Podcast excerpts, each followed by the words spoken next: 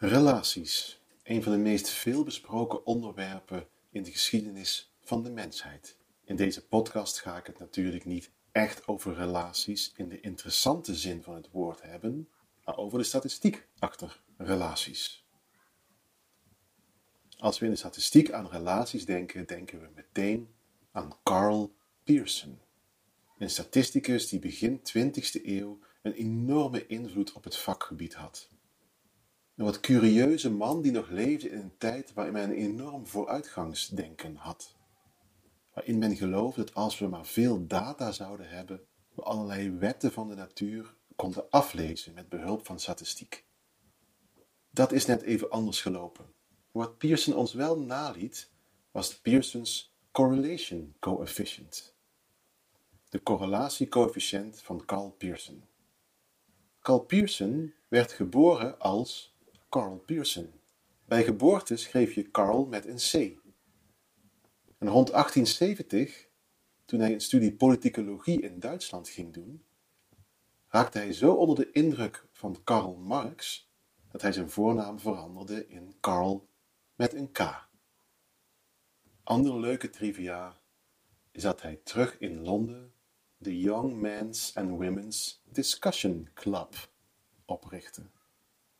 Carl en een van de andere medeleden hielden het niet bij discussiëren, want hij ontmoette er zijn vrouw.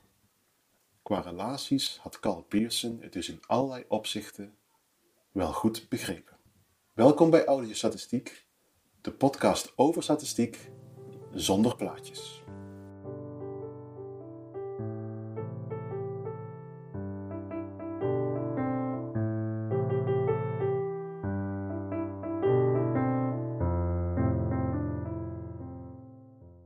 Pearson's correlation coefficient of correlatiecoëfficiënt in goed Nederlands wordt heel vaak Pearson's R genoemd. Pearson's R in goed Nederlands. En de R wordt dan schuin gedrukt. Ik zou niet weten waarom dat zo is. Pearson's R heeft een hele mooie eigenschap. Hij kan minimaal min 1 zijn en maximaal 1. Als Pearson's R 0 is, betekent het dat er geen relatie is tussen twee variabelen. Als Pearson's R 1 is, dan is er een perfecte samenhang tussen twee variabelen. En die samenhang is dan positief. Als Pearson's R min 1 is, dan is er ook een perfecte samenhang tussen twee variabelen, maar is deze negatief. Een positieve samenhang betekent eenvoudigweg dat als, het ene, als de ene variabele omhoog gaat, de andere ook omhoog zal gaan bij een negatieve samenhang is het zo dat als de ene variabele toeneemt, de andere afneemt. Laat me een voorbeeld geven van twee dingen die met elkaar kunnen samenhangen. Met een stel vrienden train ik voor de marathon. We zijn met z'n twintigen. Ik wil onderzoeken of er een samenhang is tussen hoeveel je van tevoren traint en je eindtijd op de marathon. De aanname, de verwachting hier is dat hoe meer trainingstijd per week je hebt, hoe sneller je zult zijn. Dus hoe lager je eindtijd is. De verwachting is dus een negatieve samenhang. Immers, hoe meer tijd ik besteed aan trainen, hoe sneller, hoe lager mijn eindtijd zal zijn. Als trainingstijd toeneemt, neemt eindtijd af. Dit is een samenhang en die is negatief, in de zin dat als de een omhoog gaat, de ander omlaag gaat. Een voorbeeld van positieve samenhang kan zijn: hoe meer tijd je stopt in de voorbereiding voor een tentamen, hoe hoger je cijfer is. Een toename in de voorbereidingstijd leidt tot een toename in cijfer. De relatie tussen twee variabelen wordt bijna altijd weergegeven in een zogenaamde scatterplot. Dat is zo'n typische puntenwolk, waarbij elk punt bijvoorbeeld staat voor één student. En van die student weten we dan hoeveel voorbereidingstijd hij of zij in het tentamen stopte en wat zijn of haar eindcijfer was. We geven dan elk, elke student, elke punt weer op een van die twee assen. Pearson's R wordt wel eens bivariate correlatie genoemd. Excuses voor deze verschrikkelijke term. Bivariaat betekent dat je twee variabelen hebt waartussen je de samenhang bekijkt. Bi betekent namelijk twee.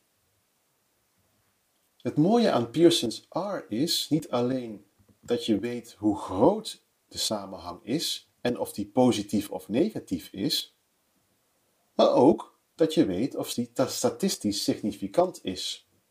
Namelijk, bij Pearson's R krijg je vanzelf een p-waarde.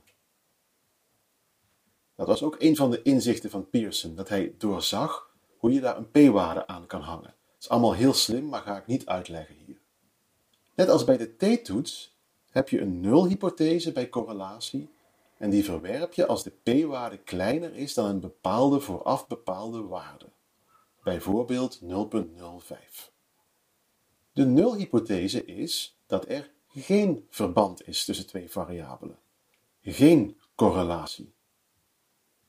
Als je die nulhypothese verwerpt, dan concludeer je er is een statistisch significant verband tussen deze twee variabelen. Als je correlatie berekent, moet je altijd ook een plotje maken van hoe de twee variabelen met elkaar samenhangen. Het eerder genoemde puntenplot of scatterplot is daar ideaal voor. Bekijk de samenhang tussen de twee variabelen voordat je Pearson's R interpreteert. Pearson's R is namelijk heel gevoelig voor extreme waarden, zogenaamde outliers, en pikt soms ook niet-lineaire verbanden tussen twee variabelen op. Pearson's R is gemaakt om lineaire verbanden te detecteren. Waarbij je zegt, als de een toeneemt, neemt de ander ook toe en dat verband is lineair. Dat wil zeggen, als je van 10 naar 20 gaat in de ene variabele, is de toename bijvoorbeeld 2 in de andere variabele.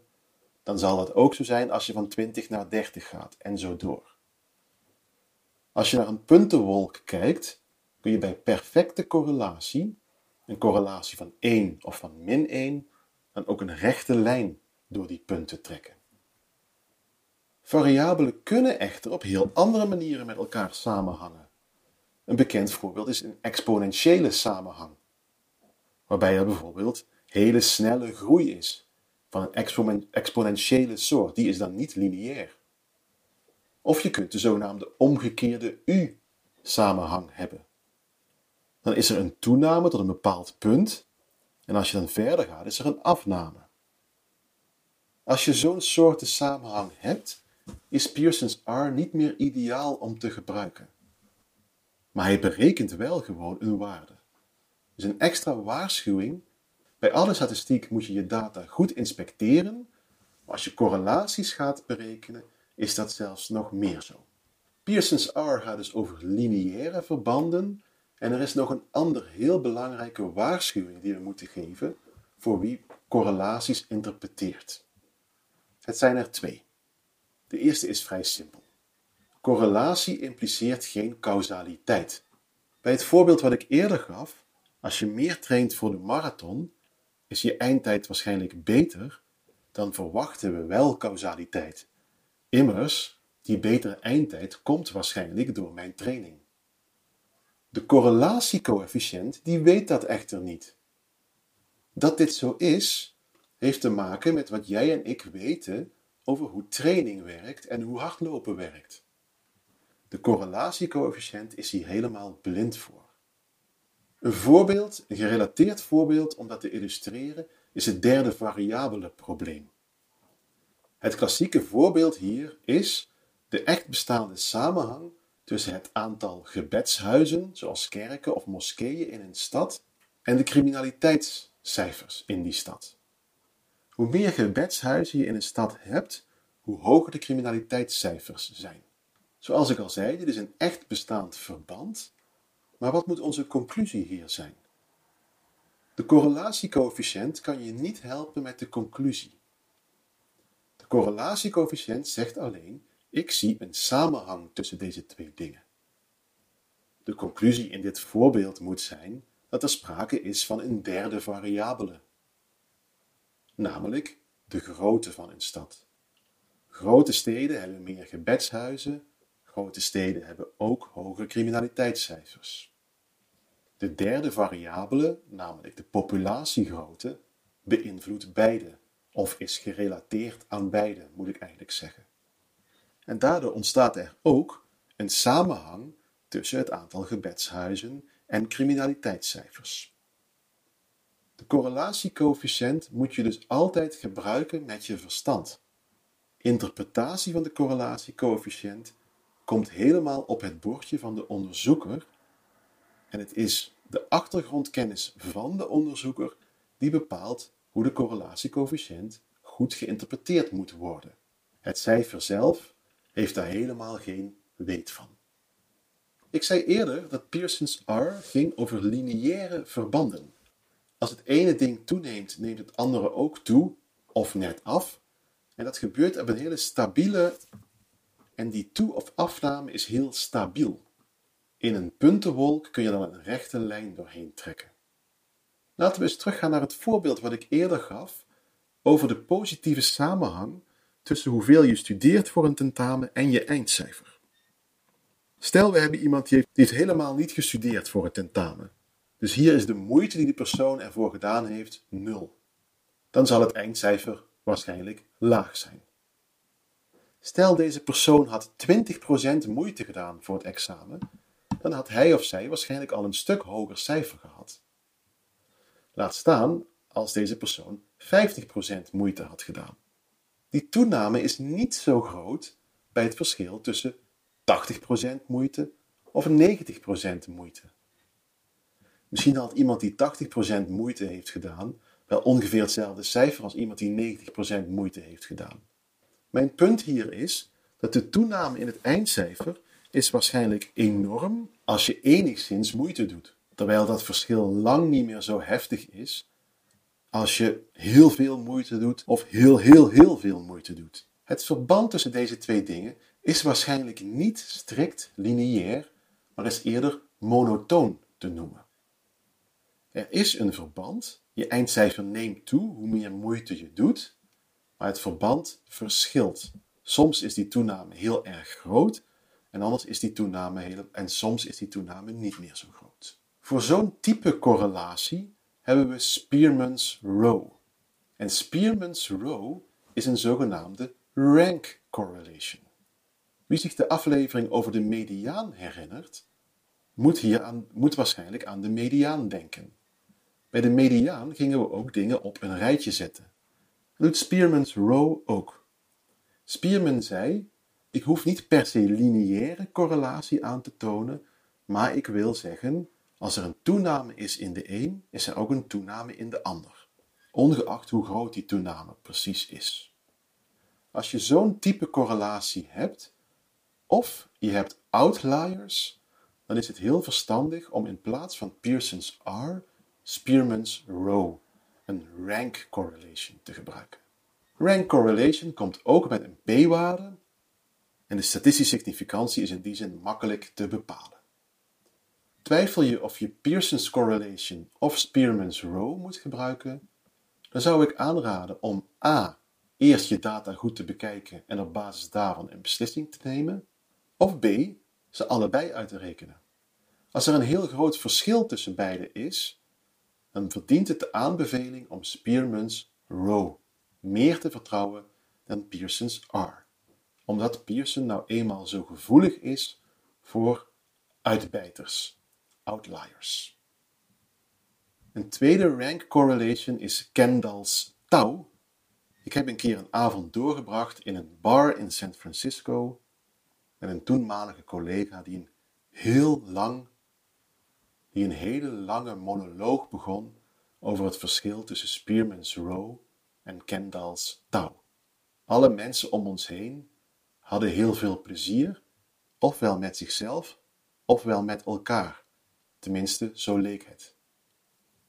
Ik zou jullie dan ook echt niet meer kunnen vertellen wat het verschil tussen Spearman's Row en Kendall's touw is. Ik heb het, in goede psychoanalytische traditie, verdrongen.